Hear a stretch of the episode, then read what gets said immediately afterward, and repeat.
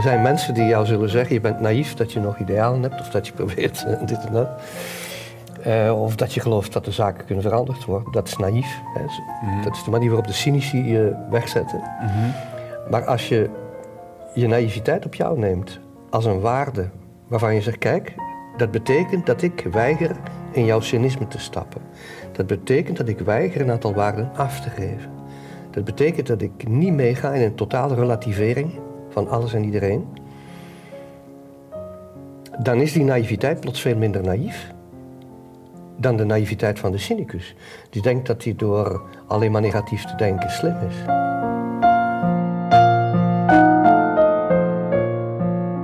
Welkom bij de vierde aflevering van onze reeks Grote Vragen. Vandaag vragen we ons af of we in de politiek moeten. En met we bedoel ik niet enkel wij met zwijgen is geen optie, maar bedoel ik eigenlijk ook u. Bedoel ik eigenlijk elke geëngageerde kijker of luisteraar. Als de politiek de plek is waar dat de belangrijke beslissingen genomen worden, als daar de plek is waar dat de echte strijd gestreden wordt, moeten we onze focus dan niet daarop leggen? Moeten we ons dan niet daar meer laten zien? Tom, wat vond jij ervan om deze aflevering te maken? Het is een beetje een wespennest, hè, dat thema politiek. Het is zo, Ik ben blij dat, niet, dat we ons niet hebben laten afleiden. Het gaat niet over verkiezingen, het gaat niet over burgerparticipatie, het gaat niet over hoe dat we het politiek systeem moeten vernieuwen.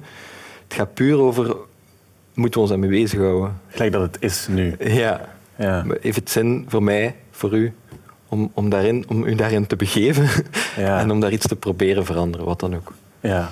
Dat vind ik wel cool. Is ook het moment om onze mecenassen te bedanken. Het is eigenlijk enkel dankzij hen, dankzij de tijd en de ruimte die zij ons geven om met interessante mensen te praten over moeilijke onderwerpen.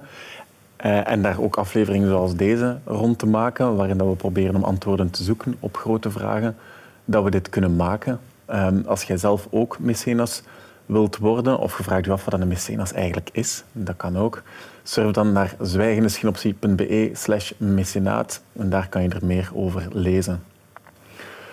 We beginnen met Francesca van Tiele. Francesca is een van de oprichters van Klimaatzaak. En vanuit Klimaatzaak heeft zij heel veel gesprekken gevoerd met politici over het klimaatprobleem. En zij vertelt eigenlijk heel goed oh, hoe dat zij en wij soms ook naar politiek en naar politici kijken vandaag de dag.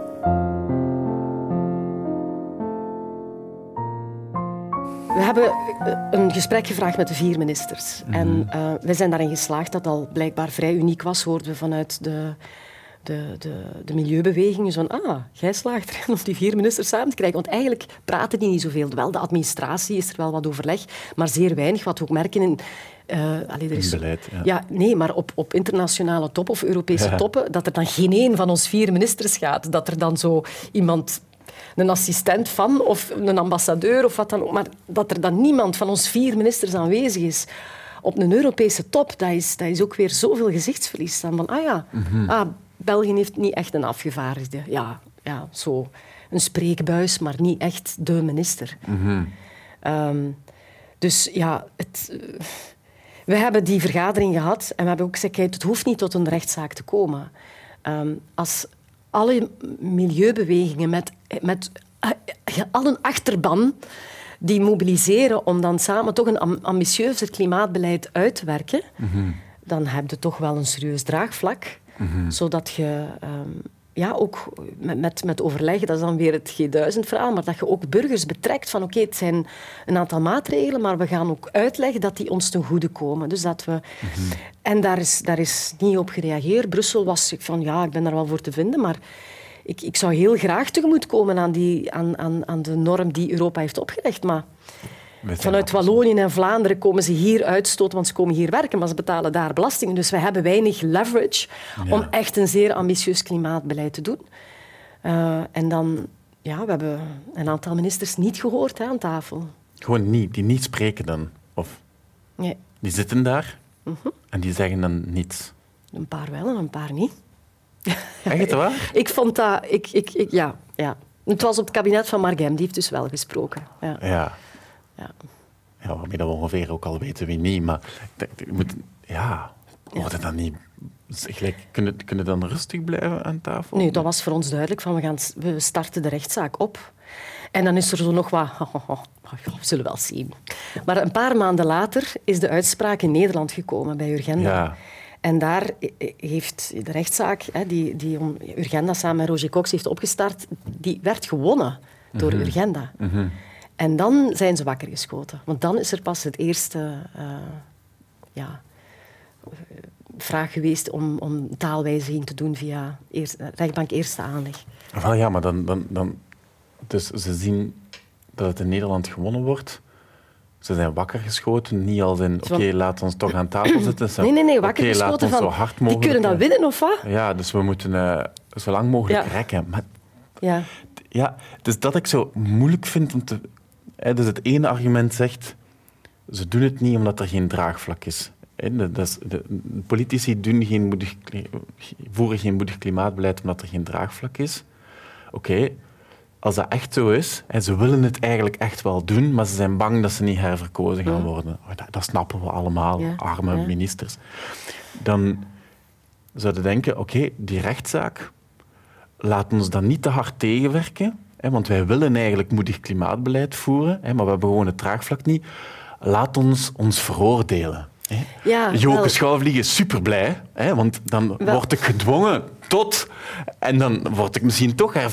Denk, Maar waarom Wij hadden dat ook wel zo een beetje verkocht van zie het als een stok achter de deur. Ja, dat is een reden Dat voor je inderdaad te doen wat je denkt veroordeeld wordt en dat je... Allee, het hoeft niet zover te komen, maar dat we... Ofwel doet je beroep op, op heel het netwerk van alle... Want er zijn er veel in ons land van milieubewegingen die kunnen adviseren en, en kunnen... Allee, er is niet tekort aan kennis hè, van wat dat er moet gebeuren. Dat is Nee, juist. nee, we moeten niet nog eens een klimaatplan maken. Hè. Dat ligt daar. Hè.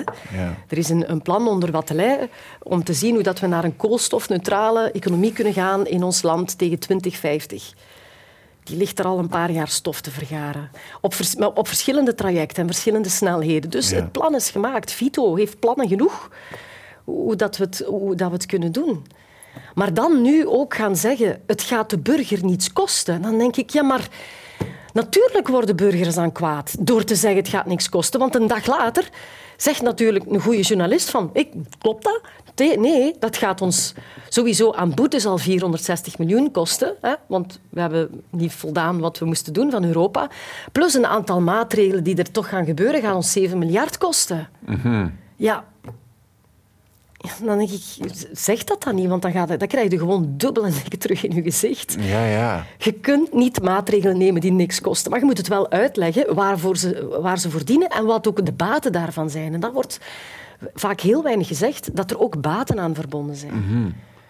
Maar het is toch moeilijk om daar geen kwade wil achter te vermoeden.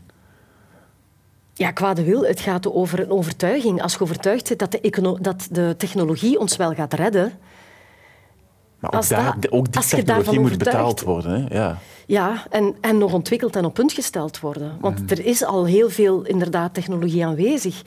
En dat gaat ons, het, het, het gaat ons ook helpen en ons een duw in de rug geven. Maar de omschakeling moet wel gebeuren. En we moeten nu vooral geen investeringen meer doen in wat ze noemen stranded assets. Dat je investeert in, in, in, in, in in infrastructuur die eigenlijk binnen fossiele 20 jaar niet meer gaat gebruikt worden, terwijl die eigenlijk nog 50 jaar kan meegaan. Ja, ja. Dus dat, dat moeten we nu vooral niet doen, want dan zijn we zotte kosten aan het doen. Kijk, gewoon eerlijk onder ons. heb- Hebben we niet gewoon... Hebben we, zijn, het, zijn het domme mensen? Hebben we, hebben we domme ministers? Is dat het? Dat, want ik zit Wel- te denken aan kwade wil, maar misschien is het ook gewoon... Ja, wel, het is niet alleen een minister, het is ook een administratie. En dan binnen de administratie is alle kennis aanwezig en weet iedereen wat dat er moet gebeuren. Maar Oké, dus dan is het echt... het gaat, nee, het gaat over de- degene die het voor het zeggen heeft, dus de minister. En dan eh, ook de andere ministers, want het is de regering volledig. Hè. Ik, Ja, ja. De, de, de, de processen die tegen ons zijn opgestart, dat was niet louter en alleen uh, Joke Schouwvliegen haar, haar beslissing. Heel de regering stond daarachter. Hè. hoe kunnen we zo, wat kunnen we nog verzinnen om het nog wat te laten... Ah, we gaan nog naar de arrondissementsrechtbank. Ah ja, we kunnen nog naar het Hof van Cassatie gaan. Dus dat is een beslissing geweest, niet louter van haar, maar de regering heeft daar wel haar in gesteund. Hey, dus daar zitten mensen rond de tafel, ja. een regering... Ja, ik zou daar ook heel graag Die samen beslissen van, hey, wat gaan we doen? En die dan dat beslissen. Maar je zit die toch echt een paar kletsen geven. En dat is toch niet... Hoe slapen die? Ik vraag me dat echt af. Hoe Wel, maar er is een grote overtuiging dat het allemaal niet zo een uh, Vaart gaat nemen. Ja. Oké. En dat strookt Dus dan- volledig niet met 95% van alle studies die uitkomen over wat er aan de hand is, wat er gaat gebeuren en hoe snel dat het gaat veranderen. Dus alle ja, voorspellingen of alle ja, studies die er in het verleden zijn gemaakt, die zeggen van ah, de ijskappen gaan afsmelten en dit gaat er gebeuren, dat gaat Dat komt allemaal uit en komt sneller uit en heftiger uit. Dus, ehm, zo, dus zo fel zitten ze er niet naast. Dus ja,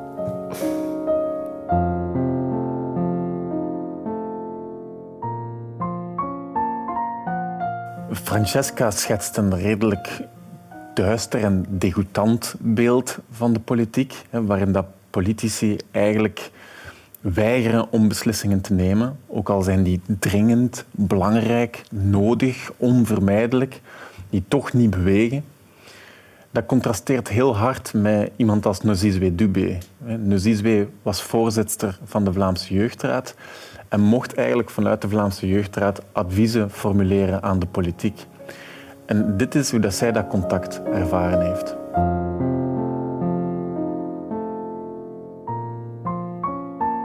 Kort is dat de Vlaamse Jeugdraad moet elke keer als de Vlaamse regering iets beslist dat impact heeft op jongeren, het advies vragen van de Jeugdraad. Ja, dus we zijn een dan, eh, officiële adviesraad van Ja. de Vlaamse regering. Vet, eh. hè? Ja, ja, ja, dat is wel ja, dat is natuurlijk heel belangrijk. Hè. Dat is, eh, ja, en dan ook als Vlaamse kunnen we ook gewoon zelf op eigen initiatief wel zeggen van kijk, dit is belangrijk. Ja, luisteren ze dan ook? Onze adviezen zijn natuurlijk, ja, die zijn niet bindend, hè, dat zijn adviezen. Maar ik moet wel persoonlijk zeggen, zeker nu als voorzitter, hè, en dan als je ook zo wat langer daarbij zit, dan merk je hier en daar wel ehm, het impact van, van het werk dat we doen. Hè. Je, je ziet soms parlementaire vragen in ehm, commissies hè, die dan gaan over een onderzoek van de Vlaamse jeugd of, of een iemand van een parlementslid die dan iets zegt over ah, ik heb gelezen dat de Vlaamse Jeugdraad dit heeft gezegd. En dan is ah ja, dat is ook zo stof voor het debat. eh, in het Dat moet toch mega cool zijn, de eerste keer dat dat gebeurt. Nee, dat is wel zo fijn dat je ziet van oké, Ja. ons werk wordt gewaardeerd, wordt gelezen en wordt ook echt wel erkend als zijnde heel belangrijk en een, ja, vertegenwoordiging voor, van eh, Vlaamse kinderen en jongeren en hun organisaties natuurlijk. Er is ook heel veel wat misschien nu niet meteen zichtbaar is, maar pas over een aantal jaar wel zichtbaar zal zijn. Snap je? Dus dat, is zo, eh, dat kan soms een beetje frustrerend zijn, maar ja, dat hoort erbij natuurlijk. Hè.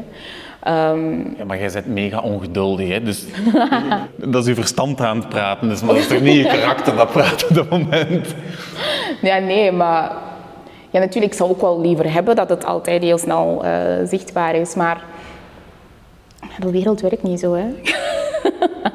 Ja, maar goed, dan kunnen we iets anders beginnen doen of zo. Hè? Want je bent nu rechten aan het studeren. Dat zet je wel op, op het pad om, om verder te gaan dan waar dat je nu zit. Hoe bedoel je verder voor- te gaan? In de politiek te gaan, dat lijkt mij logisch. Ik zou het, ik zou het eh, ontgoochelend vinden, moest het niet doen.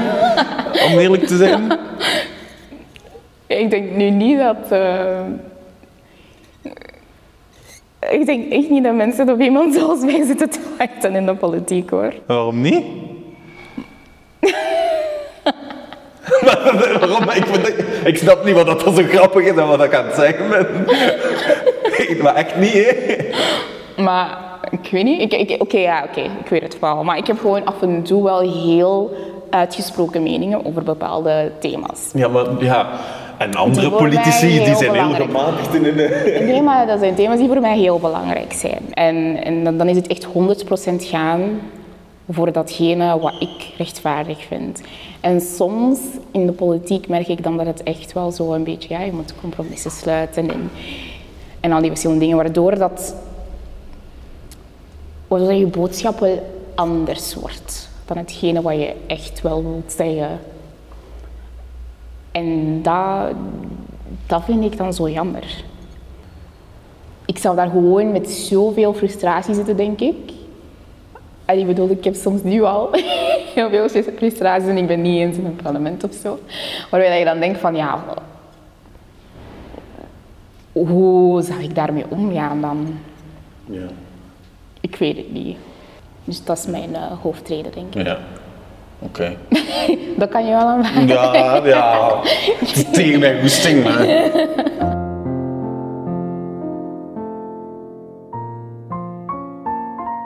Nozizwe heeft uiteindelijk beslist na ons gesprek om effectief in de politiek te stappen. En wij waren daar eigenlijk heel blij mee. We vonden het wel cool dat iemand die zo jong en geëngageerd is, het aandurft om de stap naar de griezelige politieke wereld te zetten.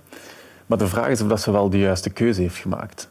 We gaan even luisteren nu naar Pauline Verhaast, die een tijdje op een kabinet heeft gewerkt.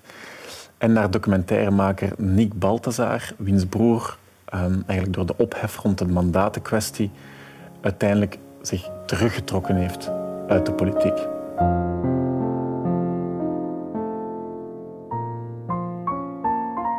Vandaar dat ik ook dan bij de stad ben, uh, ben beland. En echt, dat was ook sociale huisvesting. Sociale huisvesting, ja, ja.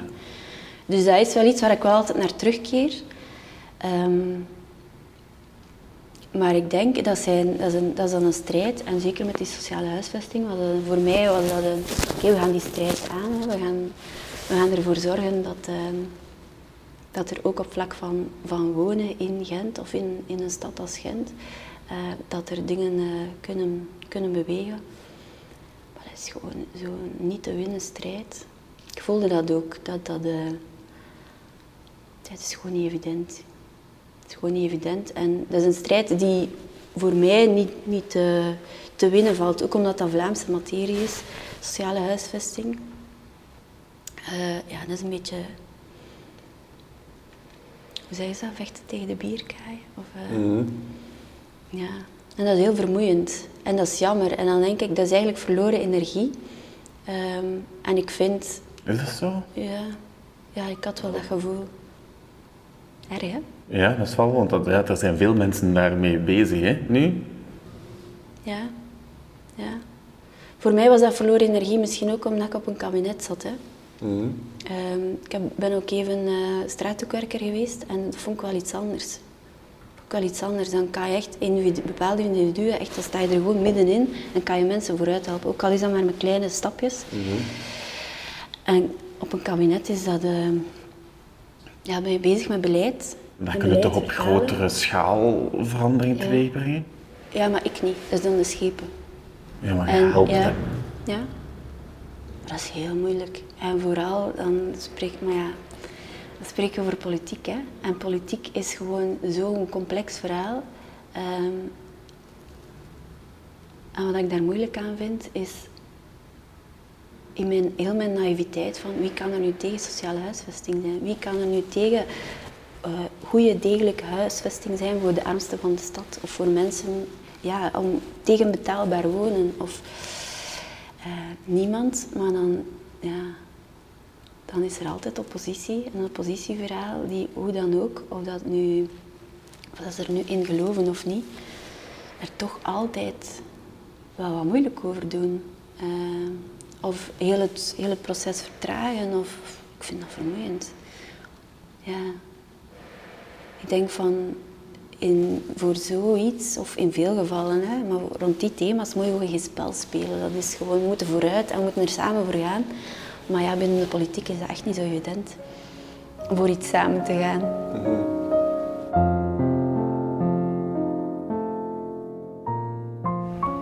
Als ik zat, las ik dat u, uw papa eigenlijk niet wou dat uw broer in de politiek ging, of daar toch echt niet... Ik ook niet. ja. Jij ook niet? Worden dat ook niet? Ik zou dat niemand zo direct aanraden. Nee. Toen, Allee, toen wist je nog niet hoe dat ging lopen die natuurlijk. Mij, die mij dierbaar is. Nee, maar... maar uh, ja, het verhaal van, van mijn broer is, is exemplarisch over, over hoe, hoe dat wij omgaan met, met mensen die we dan op piedestals zetten. of dat dan nu politiek is of, of, of, eh, of ergens anders, dan vinden we dat zo plezierig om die eraf te flikkeren. Je moet er tegen kunnen dat je het slijk de raden over je kop krijgt de ene dag en, en de volgende dag weer het manneke bent. Want mijn broer zat perfect, nu nog altijd, had hij blijven zitten, was, was die storm al lang over. Hè. Iedereen weet, bon, het blijkt zo te zijn dat ongeveer alle politici mee waren in een spel dat langs geen kanten deugde. En kon die nog altijd weer hè, opkomen voor burgemeester en dan was hij misschien nog het manneke geweest. Ik vind dat een ongelooflijk moedige zaak van hem, dat hij heeft gezegd, uh, dan, dan hoeft het voor mij niet. Zoek het uit. Wat niet, wat niet goed spreekt, dat, dat, dat, dat, er een systeem mm. is waar, waar, dat hij aan mee heeft gedaan, dat, dat totaal niet, niet, niet klopt. Hè? Dit al decennia lang. Ik, ik was op dat moment, werkte ik voor Pano, dus, dus zat ik op diezelfde redactievloer, waar dat een aantal mensen het plezierig vinden om zo'n visual te maken met je broer in zo bijna een mugshot, met dan zo wat wapperende euro's langs, langs zijn oren altijd. Ik weet niet hoeveel keer dat die visual is gepasseerd. Elke keer, ja, het uh, graaischandaal in, in, in Gent en zo. Ja, dan, je kunt dan niet meer winnen, winnen natuurlijk. Maar weet wie dat een visual gemaakt heeft? Jij dan, als je daar zit? Nee, nee ja, ik ben het ook niet gaan opzoeken, omdat ik echt alleen... Ja, die draaien ook mee in dat systeem. Maar had iemand ook ooit een visual mogen maken met, met de dingen die mijn broer had gerealiseerd? Kon dat? Als ik zie wat mijn broer, niet alleen mijn broer, maar, maar dat, dat team van, van uh, die Gentse coalitie hier heeft gedaan om dat een andere stad te maken. Maar mijn broer heeft dat toch ook wel echt, de Gemburgse meersne en, en, zo, de, de, um, de, de krook, die naast heeft dat zo fucking hard voor gevochten. En dan, die was niet eens, was niet eens op de opening van zoiets. Hè. Dat, is, dat, is, dat is fucking bitter, hè.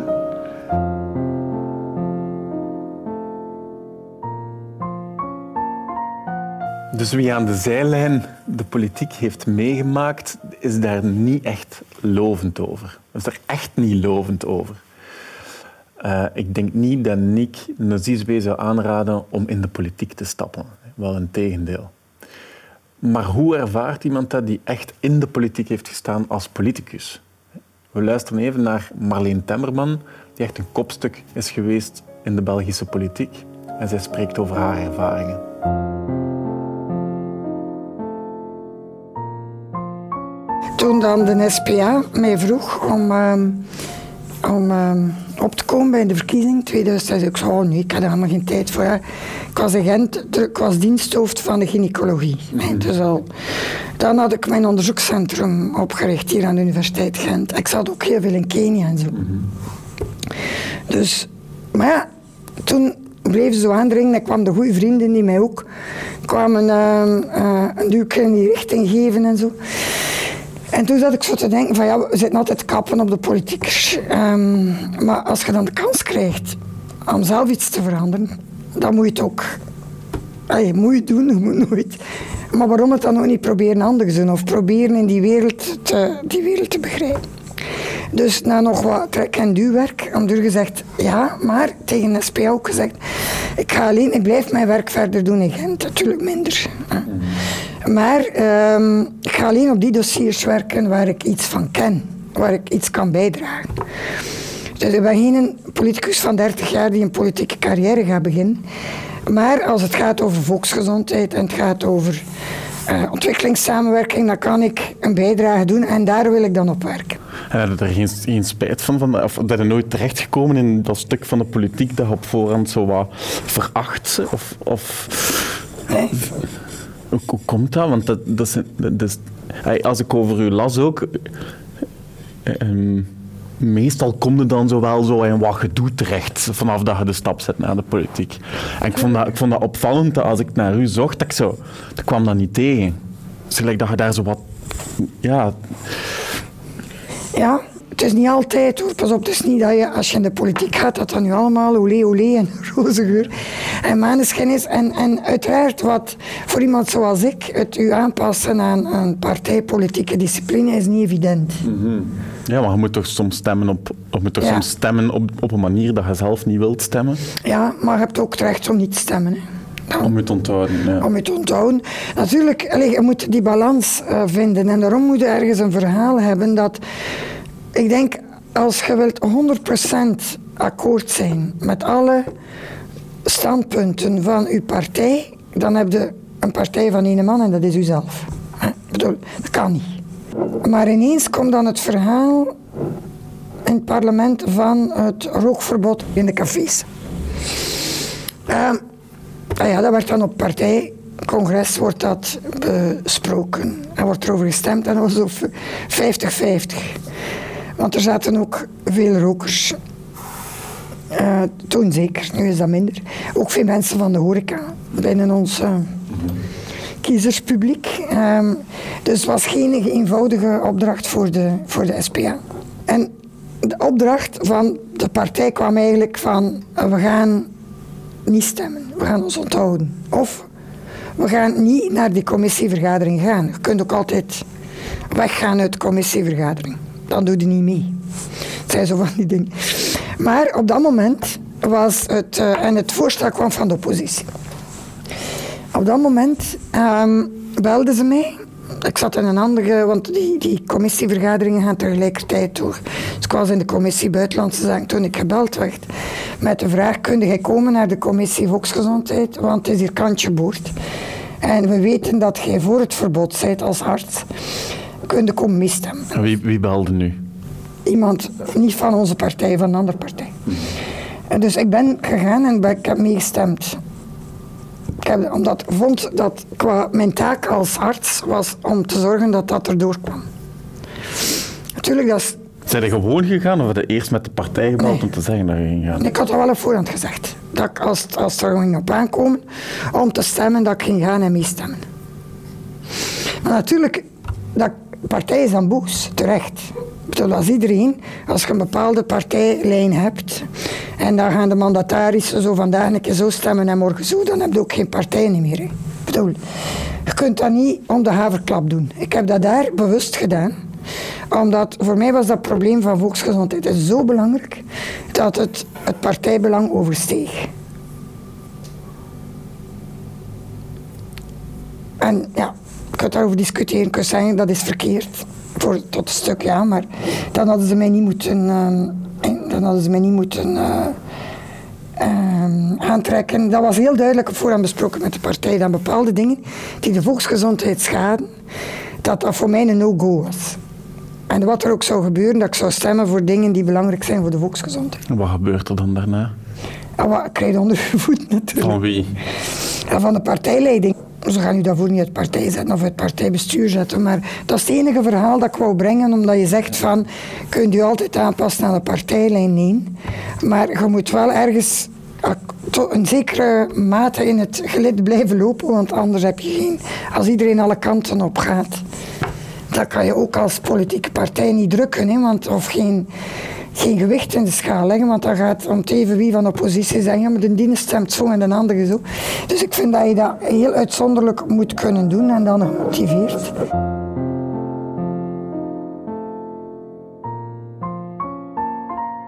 Marleen is een reality check. Zij zegt als politicus is dat gewoon de strijd die je moet voeren. De persoonlijke strijd die je moet voeren. Wanneer kies ik voor mijn overtuiging? Wanneer kies ik voor mijn idealen? En wanneer ja, moet ik gewoon slikken en uitvoeren wat dat de partij van mij wil om te kunnen blijven functioneren als politicus?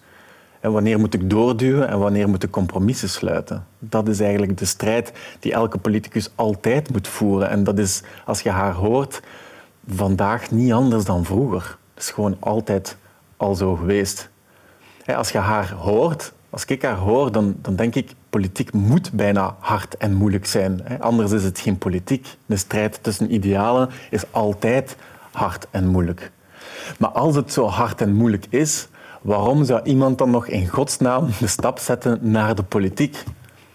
Hè, Welke droom kan ervoor zorgen dat je die een dagelijkse strijd aanvaardt of dat je die aankunt om het te blijven doen als politicus. En er is eigenlijk niemand die die een droom bij ons helderder heeft geschetst dan schrijver en academicus Bleri Leesje. We gaan even naar hem luisteren.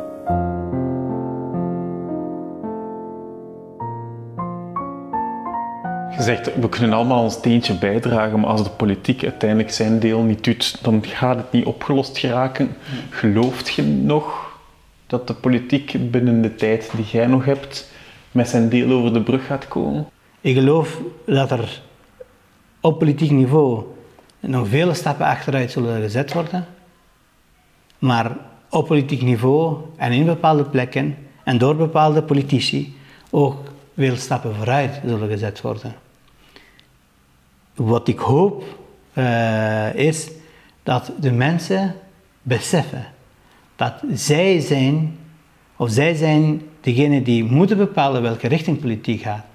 En niet het discours van politiek die bepaalt hoe wij over politiek denken. Wij moeten beslissen hoe politiek denkt en wat politiek doet.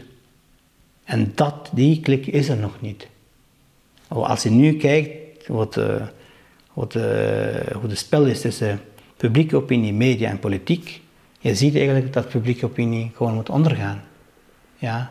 Dat die constant wordt gevormd door politiek discours en door de media die dat politiek discours verspreidt. En ik kan alleen maar hopen dat mensen uh, bewust van dat worden en beseffen dat zij eigenlijk moeten bepalen. Als je het vindt dat het not is dat diamantiers uh, uh, deals kunnen sluiten met een rechtbank ja, en hun criminele praktijken kunnen kopen, terwijl iemand die drie koffie, die croissants steelt in de gevangenis moet, ja, laat het je horen. Hè. Dus het is daarom, als we dat besef hebben, dat we nog meer impact zullen hebben over gaan we op politiek niveau achteruit of vooruit. Ja, want natuurlijk spreken we over Trump en spreken over Orban en spreken over de Wilders uh, van de wereld of de Le Pen's. Maar tegelijk, als je ziet bijvoorbeeld wat Bernie Sanders doet, uh, in het land van het keihard kapitalisme, niet zozeer voor wat hij heeft gedaan, maar wat er gebeurd is na zijn voorbeeld in de VS, waar bewegingen zoals Our Revolution zijn ontstaan, waar honderden duizenden mensen actief zijn om politiek van onderuit, lokaal niveau, te veranderen. En dus beseffen dat het belangrijk is om uh, politiek actief te zijn. En politiek actief betekent bewust worden dat politiek toedoet. Het gaat niet om links of rechts of wat dan ook te worden. Ja, ik kan niet anders dan optimist zijn. Hè. Dus dat, uh, dat wanhoop of dat cynisme over politiek, dat weiger ik. Omdat er vele voorbeelden uh, bestaan van, uh, ja, van mensen die, die wel een weg tonen.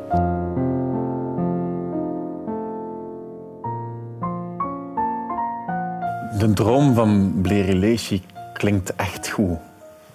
Uh, geëngageerde, gemotiveerde, enthousiaste mensen kunnen allemaal samen de manier waarop er aan politiek bedreven wordt veranderen. Zij kunnen die minder moeilijk maken, zij kunnen die misschien zelfs minder hard maken, inhoudelijker. Maar waar vind je die mensen? Waar vinden die mensen die echt de stap willen zetten? Eh, Jonas Malisse is net als Nuzizwe zo een jong, geëngageerd persoon die een wereldprobleem uit de wereld probeert te helpen. En als ik hem de vraag stel, ja, dan argumenteert hij eigenlijk heel goed waarom dat hij uiteindelijk toch niet in de politiek wil stappen.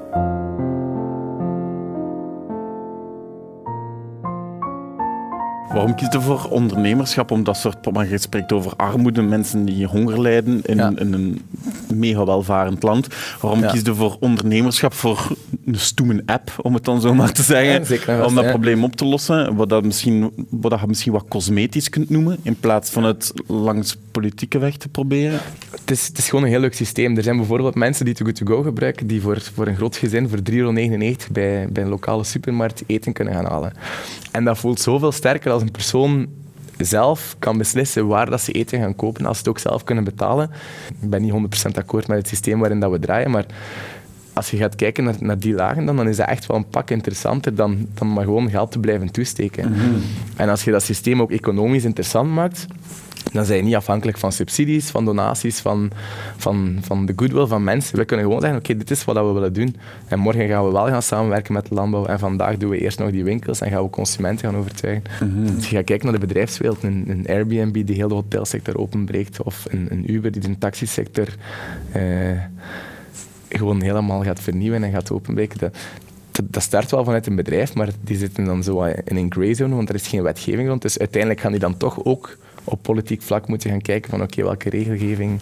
Ik vind het goed dat je die voorbeelden gebruikt, omdat, dat heel, eh, omdat daar negatief naar gekeken wordt. Goh, ik vind dat een zeer fantastisch mooie verhalen en, en ik ben niet helemaal akkoord met de bedrijfscultuur van een Uber bijvoorbeeld en er zit best wel al wat dingen scheef. Maar als je gaat kijken naar de basis, is dat fantastisch. Oké, die, die taxisector die zo verouderd is, die, die niet meespringt op de moderne noden van de mensen, die wordt helemaal heruitgevonden en, en die pusht eigenlijk andere bedrijven om, om zich ook te gaan vernieuwen. En die zorgt er eigenlijk net ook voor dat, als je gaat kijken naar typische taxibedrijven, iedereen zegt nu al, ja, die taxichauffeurs worden niet deftig betaald en al het geld stroomt naar Uber. Ja, maar dat was ook niet anders. hè. Het is niet dat een taxichauffeur rijk werd van meer te rijden, dat was ook naar de eigenaar van dat bedrijf. Hetzelfde voor een Airbnb. Ik ben wel akkoord als je dan kijkt naar waar dat de centen vloeien en wat dat de impact is op, op de business op een stad, eh, dat er misschien daar wel wat deftige re- regelgeving moet ontkomen. Wel ja, zie je daar niet juist het, het, het defect van met ondernemerschap de wereld veranderen? Dat het uiteindelijk in een onderneming gaat Ja. over cash en dat als er ergens uitgeperst kan worden, Ja. dat er uitgeperst zal worden. Ik hoop van niet.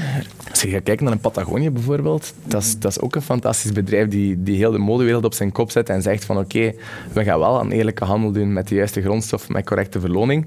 En als we dan van onze president Trump eh, onze taxen terugkrijgen, dan gaan we die ineens investeren, want we willen, net, we willen dat geld niet terug. Wij snappen dat dat geld nodig is voor andere dingen. En dat bedrijf gaat eigenlijk de verantwoordelijkheid opnemen van een overheid die het niet doet. Ja, maar dat is toch... Ja... Kunnen we toch niet blij mee zijn? Nee, ja, maar dan kun je de vraag stellen, is dat dan de fout van dat bedrijf of is dat de fout van de overheid? Ja, maar dan kunnen we de vraag stellen, moet jij een bedrijf leiden of moet je in de Ja. politiek gaan? Ja, dat is ook een goede vraag. Het leuke is aan een bedrijf dat je snelheid kunt maken dat je nooit in de politiek kunt, kunt teweegbrengen. Als we nu moeten wachten met de Good To Go op een regelgeving op vlak van voedselverspilling, dan zijn we binnen vijf jaar nog evenveel eten aan het weggooien waarschijnlijk. En dan kunnen we het nu beter doen in die grey zone en zorgen dat we al een impact hebben. Kennis verzamelen, informatie voeden aan de politici, ervoor zorgen dat het, dat het iets wordt. Want laten we ons eerlijk zijn, voedselverspilling komt wel meer in de pers sinds dat mensen het via een leuk kanaal, die stomme app dan, hè, eh, kunnen, gaan, kunnen gaan redden. En, en voordien was dat niet. Dus, dus de aandacht die er rond groeit, zorgt ervoor dat er dan het, het, het draagvlak waarover onze politici zo graag spreken, dat, dat dat er ook plotseling is. En dat mensen ook inzien van, hey, dit is iets wat niet oké is. En ik denk dat je die, die aanleiding nodig hebt om dan ook effectief wetgeving te gaan veranderen. Dat is- klinkt pragmatisch en, en, en ik snap ook dus de snelheid en de nood aan snel impact. Ja. Een beetje ongeduldig. ja. Maar hè, met Too Good To Go is het eh, elke dag maaltijden te redden en elke dag vooruit gaan. Als politicus zijn misschien twee jaar aan het ploeteren, maar op het moment dat je een handtekening zet... Is de impact gigantisch. Ja, ene minister die meer inzet op onderwijs en... Alles shift. Ja, ja. Ja, dat, Ja. dat kun jij zijn. Dat is, Ik weet niet of ik getalenteerd zou zijn. Eerst en nee, ja, in maar de dat, kun, dat kan Ja. iedereen, Iedereen zou zijn, dat dus jij kunt zijn. dat ook Ja, in zijn. principe wel. Dus ja, waarom dan niet? Hey, dat is toch, de, de- Ja. de bevrediging, de instant bevrediging is Ja. er niet. Hè? Maar fuck man, als het lukt. Dan is het gigantisch, zeker en vast. Maar there again, het gaat niet plotseling zo gebeuren. Het is net omdat er bepaalde zaken beginnen te leven en omdat er meer en meer mensen erop springen. Want Too To Go is niet de enige die zich, die zich iedere dag heel hard inzet. Hè. Je, hebt, je hebt nog andere fantastische concepten. Het een al wat economisch, het ander al wat socialer, maar allemaal met dezelfde missie om die voedselverspilling te gaan, te, gaan te bestrijden. En, en het is net doordat dat meer en meer leeft, dat dat bekender en bekender wordt. En dat ze dan weer die, die sense of urgency hebben, volgens mij, om daar effectief een handtekening onder te zetten. En dat die kennis misschien op tafel komt. Ik vind wel interessant. Als, als ik dat hoor, dan denk ik, je bent, je bent eigenlijk aan het zeggen... als ik het goed begrijp, hè, mocht jij vandaag politicus zijn, Ja. je zou die wet niet kunnen ondertekenen. Omdat de mensen nog niet genoeg... Je zou een too good to go Ja. nodig hebben Ja, om, om mensen meer te laten beseffen dat er een wet nodig Ja. is. Om de, hebt, eigenlijk zeg je, ze hebben gelijk, ze hebben een draagvlak nodig. Ze hebben een draagvlak nodig. Kijk, men- hoe lastig is het nu om, om bijvoorbeeld, ehm, ik zeg maar iets, om bijvoorbeeld dan het eh, geld te zetten op, op blikjes en zo. Hè. Dus, dus Ja, statiegeld, statiegeld kan niet, kan niet geïmplementeerd worden, want meer dan de helft van de zelfstandigen zou failliet gaan. Ja. Terwijl dat in, in heel veel andere Europese landen al werkt, terwijl dat andere mensen wel de moed hebben om het te doen, gaan ze het niet gaan implementeren. Waarom niet? Omdat ze zouden heel veel kritiek krijgen en het zou lastig worden en, en blijkbaar zijn ze er nog niet helemaal klaar voor. Ik geloof dat niet en ik zou dat uit persoonlijke overweging direct ondertekenen. Maar dat is net hetzelfde. Als je mensen nu gaat verplichten, als iedere handelaar vanaf nu verplicht wordt om een oplossing te hebben tegen voedselverspilling, dan, dan gooi je eigenlijk echt een bom in dat kamp. En dan, dan schrikt iedereen en ze zijn dan niet klaar voor kritiek en er gaan wat zaken fout gaan. Terwijl als je nu beetje per beetje dat gaat implementeren en mensen snappen de urgency en, en de helft van de handelaren heeft hopelijk een oplossing binnen x aantal jaar tegen voedselverspilling, oké, dan is die stap om dat verplicht te maken nog... nog dan, dan stelt dat niets meer voor en doet ook gewoon.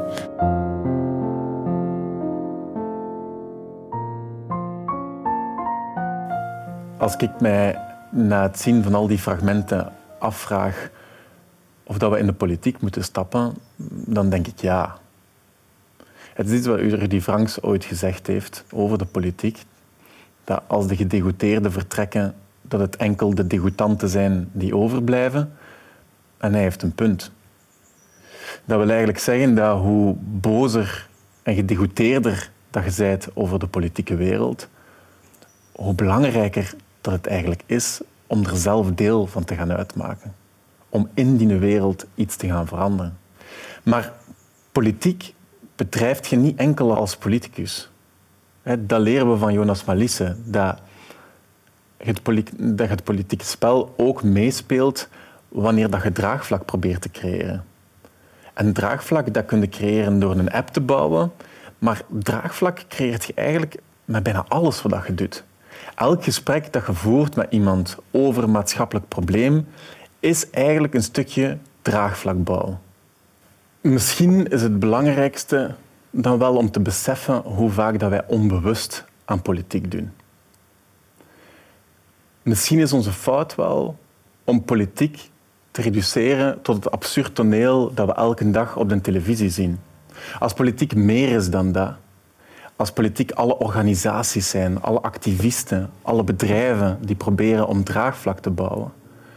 Als politiek alle gesprekken zijn en alle discussies zijn die vandaag de dag door in heel ons land virtueel of fysiek gevoerd worden, dan staat de politiek er misschien wel beter voor dan ooit tevoren. Dankzij iedereen die beslist dat zwijgen eigenlijk geen optie is.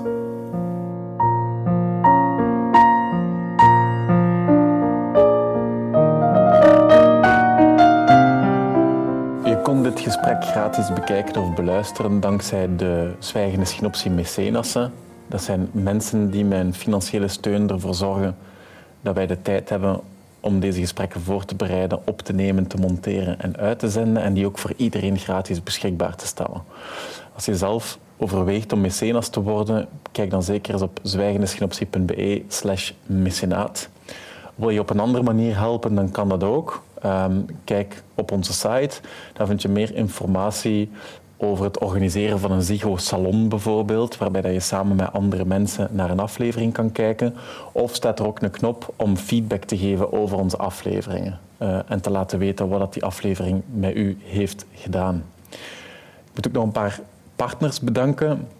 Ten eerste Café Kostuum en Supergood. Zij zorgen er alle twee voor dat ik hier netjes gekleed aan tafel kan zitten. Ook al heb ik eigenlijk niet het geld om dat te betalen. Dus dank u wel daarvoor. En de Vooruit. Eh, de Vooruit in Gent geeft ons een locatie waar we deze gesprekken kunnen opnemen en waardoor we in rust ehm, ja, kunnen praten met mensen.